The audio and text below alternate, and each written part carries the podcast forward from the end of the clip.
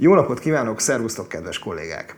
Heti rendszerességgel jelentkező összefoglalónkban az egészségügy és orvostudomány legfrissebb híreiből és eseményeiből szemezgetünk. Én Lőrinc Kende vagyok, akinek pedig a hírválogatást köszönhetitek Reinhardt István kollégánk.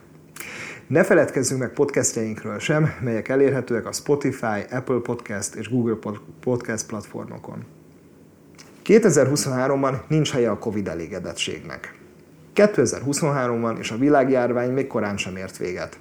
A Kínából érkező aggasztó hírek azt mutatják, hogy a világ nem hagyhatja magát, közegészségügyi és járványügyi rendszerének megerősítése kritikus kérdés. 2022-ben sok helyen az élet visszatért a Covid előtti normális kerékvágásba. A kormányok megszüntették a bezárásokat, újra nyitották az iskolákat, és enyhítették vagy feloldották a maszkviselési előírásokat. Újraindult a nemzetközi utazás, még a vezetők is optimista kijelentéseket tettek, például Mette Friedrichsen Dán miniszterelnök kijelentette, hogy a SARS-CoV már nem jelent veszélyt a társadalomra. Joe Biden amerikai elnök pedig megjegyezte, hogy a járványnak vége. Ezt azonban megcáfolja az a pusztítás, amelyet a betegség továbbra is okoz. Nem csak Kínáról van szó. Másút a fertőzések és a halálesetek ismétlődő hullámai helyett folyamatos veszteségeket látunk, valamint a hosszú Covid okozta szövődményeket. A COVID-19-re való összpontosítás az AIDS, a malária és a tuberkulózis elleni küzdelemre is hatással volt. Az összesített halálozási arány sok országban továbbra is magasabb, mint a COVID-19 megjelenése előtt. A COVID elleni védőoltások aránya is megtorpant számos országban, és egyes országokban az emlékeztető oltások elterjedése sem volt megfelelő. Az egyik megoldás az oltási erőfeszítések megújítására a technológia. Folyamatban van például az orron vagy szájon át beadható nyálkahártya vakcinák fejlesztése, fel kell készülnünk azonban az új úgynevezett aggodalomra okot adó változatok megjelenésére is. Ezt a jelölést akkor adják ki, ha egy változat jobban kikerüli az immunrendszert, súlyosabb betegségeket okoz, vagy sokkal jobban átvihető, mint a jelenleg keringő változat. Itt az ideje, hogy megújítsuk erőfeszítéseinket a COVID-19 elleni küzdelemben, hogy jobban felkészüljünk a járvány jövőbeli hullámaira és más, ma még ismeretlen pandémiákra. Három technológiára kell kifejezetten figyelni 2023-ban. A természet által kiválasztott eszközök és technikák, amelyek a következő évben nagy hatást gyakorolhatnak a tudományra. Például az egymolekulás fehérje szekvenálás. A proteom, vagyis egy sejt vagy szervezet által készített teljes fehérjekészlet értékes információkat rejt egészségről és betegségekről. A teljes proteom felderítése azonban jóval nehezebb, mint a teljes genom szekvenálása az összeállításhoz használt építőelemek nagyobb ABC-je, és amiatt, hogy a fehérjék nem amplifikálhatóak, mint a nukleinsavak. Jelenleg a legtöbb protamikai elemezés tömegspektrometriát használ, egy olyan technikát, amely a fehérjék keverékeit tömeg és töltés alapján jellemzi.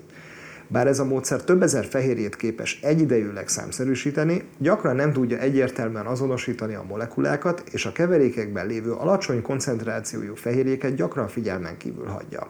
Az egymolekulás technológiák, amelyek a mintában lévő fehérjék közül sokat, hanem az összeset képesek szekvenálni, forradalmasíthatják a fehérje elemzést. Az egyik kutatás alatt álló megközelítés a fluoreszcencia, amelyet Edward Markot fejlesztett ki az Austin, Texas Egyetemen. Ez a technika lépcsőzetesen kémiai folyamatokat használ, amelyben az egyes aminósavakat fluoreszcensen jelölik, majd egyenként levágják a felülethez kapcsolt fehérje végéről, miközben a kamera rögzíti a kapott fluoreszcens jelet. Egy másik megközelítés, amelyet a Quantum C kutatói fejlesztettek ki, fluoreszcens jelölt kapcsolófehérjéket használ a fehérjék végén található aminosav szekvenciák felismerésére. Az egymolekulás fehérje szekvenálás ma még csak az elgondolás próbájának stádiumában van, a kereskedelmi forgalomba hozatal azonban gyorsan közeledik.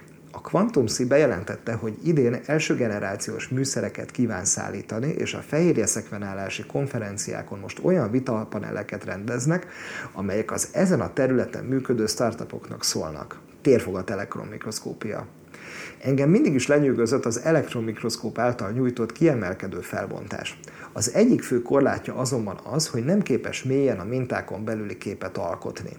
A hagyományos elektromikroszkóp megköveteli, hogy a mintákat vékony metszetekre vágják, de ez gyakran nem ad elegendő információt. Például egyetlen sejt teljes térfogatának lefedéséhez akár 200 metszetre is szükség lehet, itt jön a képbe a térfogat elektromikroszkópia. A térfogat elektronmikroszkóp lehetővé teszi, hogy háromdimenziós szövetmintákban elektronmikroszkópos felbontást érjünk el, akár Korábban a nagyobb térfogatok rekonstrukciója például az agyidegi kapcsolatainak feltérképezésére kétdimenziós elektronmikroszkópos képekből gondos mintaelőkészítési, képalkotási és számítási folyamatokat igényelt, hogy ezeket a képeket többképes köteggé alakítsák. A legújabb térfogat elektronmikroszkópos technikák azonban drasztikusan leegyszerűsítik ezt a folyamatot. Többféle technika létezik, mindegyiknek megvannak a maga előnyei és korlátai. Például a soros blokkfelületi képalkotás gyémánt élő pengét használ a gyantába ágyazott minta vékony egymás utáni rétegeinek leborotválására a képalkotás közben. Ez a technika viszonylag gyors és képes kezelni az 1 köbmilliméter méretű mintákat is. Azonban gyenge mélységi felbontás kínál, ami azt jelenti, hogy a kapott térfogat rekonstrukció viszonylag homályos lesz. Másrészt a fókuszált ionjaláb pásztázó elektromikroszkópia sokkal vékonyabb rétegeket és ezáltal finomabb mélységi felbontást eredményez, de kisebb térfogatú mintákhoz jobban megfelel. Az elektromikroszkópia volumenének növekedése csendes forradalom volt a területen. A kutatók inkább ennek a megközelítésnek az eredményeit emelték ki, nem pedig a generálásokhoz használt technikákat. Ez azonban megváltozik, mivel egyre több kutató kezd az eredmények előállításához használt technikákra összpontosítani. Például a Virginiai állambeli Ashburn államban található Genelia Research Campusban a Cell Organelle Segmentation in Electron Microscopy kezdeményezés egy pár tanulmányt publikált a Nature-ben, amelyek kiemelik a sejtbelső feltérképezése terén elért jelentős előrelépést. A COSEM kezdeményezés kifinomult testre szabott FIPSEM mikroszkópokat használ, amelyek nagyjából 200-szorosára növelik az egyetlen kísérlet során leképezhető térfogatot, miközben megőrzik a jó térbeli felbontást. A volumen elektromikroszkópia mintaelőkészítési módszerei fáradtságosak és nehezen elsajátíthatóak. Az így létrejövő adatkészletek pedig hatalmasak de az erőfeszítés megéri, mivel a kutatók már látnak betekintést a fertőző betegségek kutatásába és a rákbiológiába.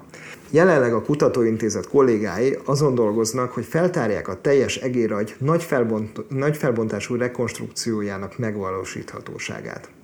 Ez az erőfeszítés várhatóan több mint egy évtizedet vesz majd igénybe, több milliárd dollárba kerül, és fél milliárd gigabyte adatot termel ugyanolyan nagyságrendű, mint az első emberi genom feltérképezésére tett előfeszítés. A kötetes elektromikroszkópia jövője izgalmas, és kíváncsian várom, milyen felfedezések várnak ránk a következő években.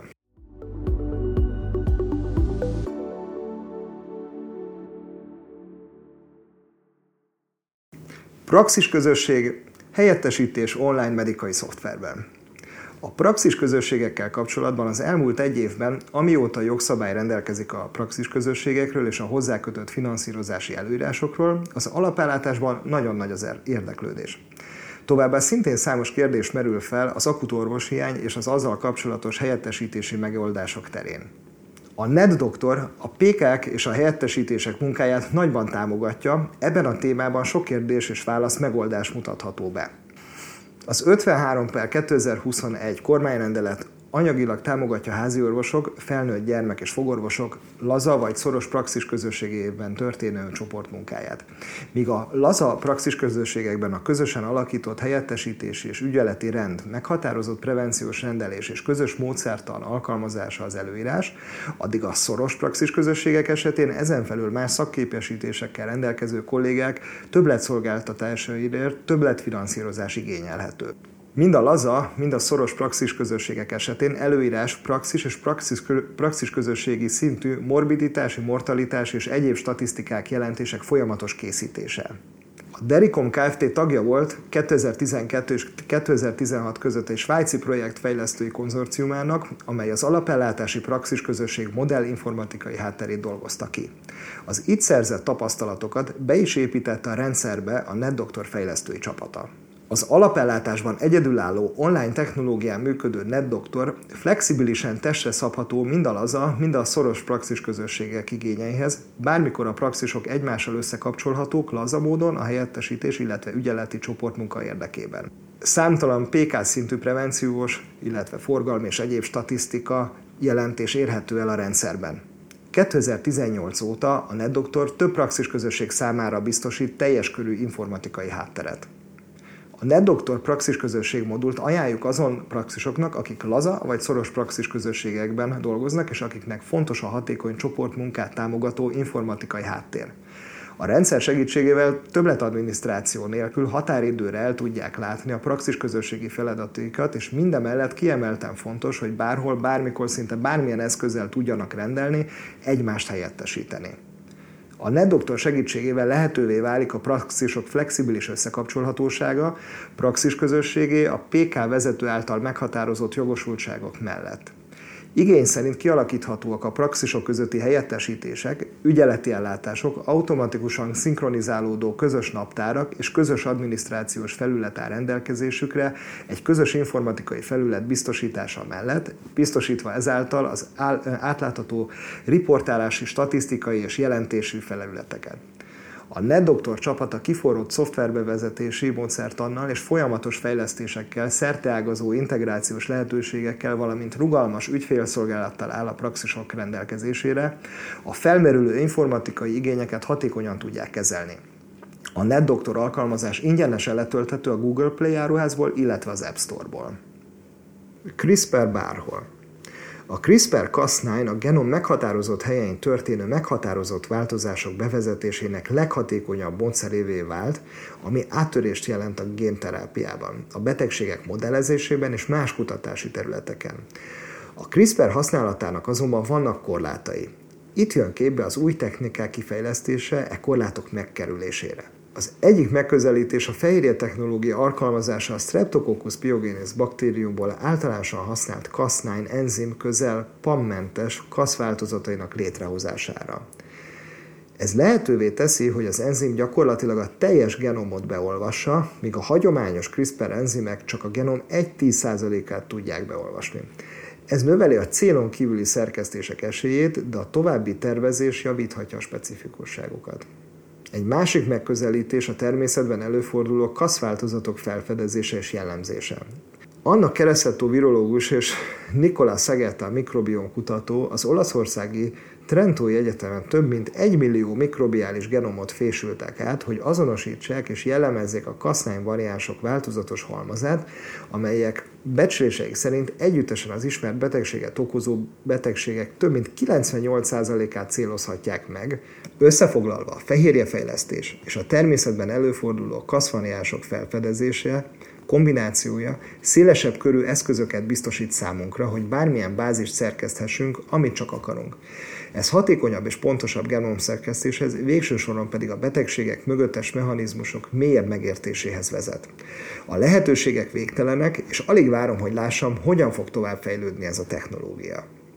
Kedves kollégák, ennyi volt már a Doktor Hírek. Köszönjük, hogy ma is velünk tartottatok.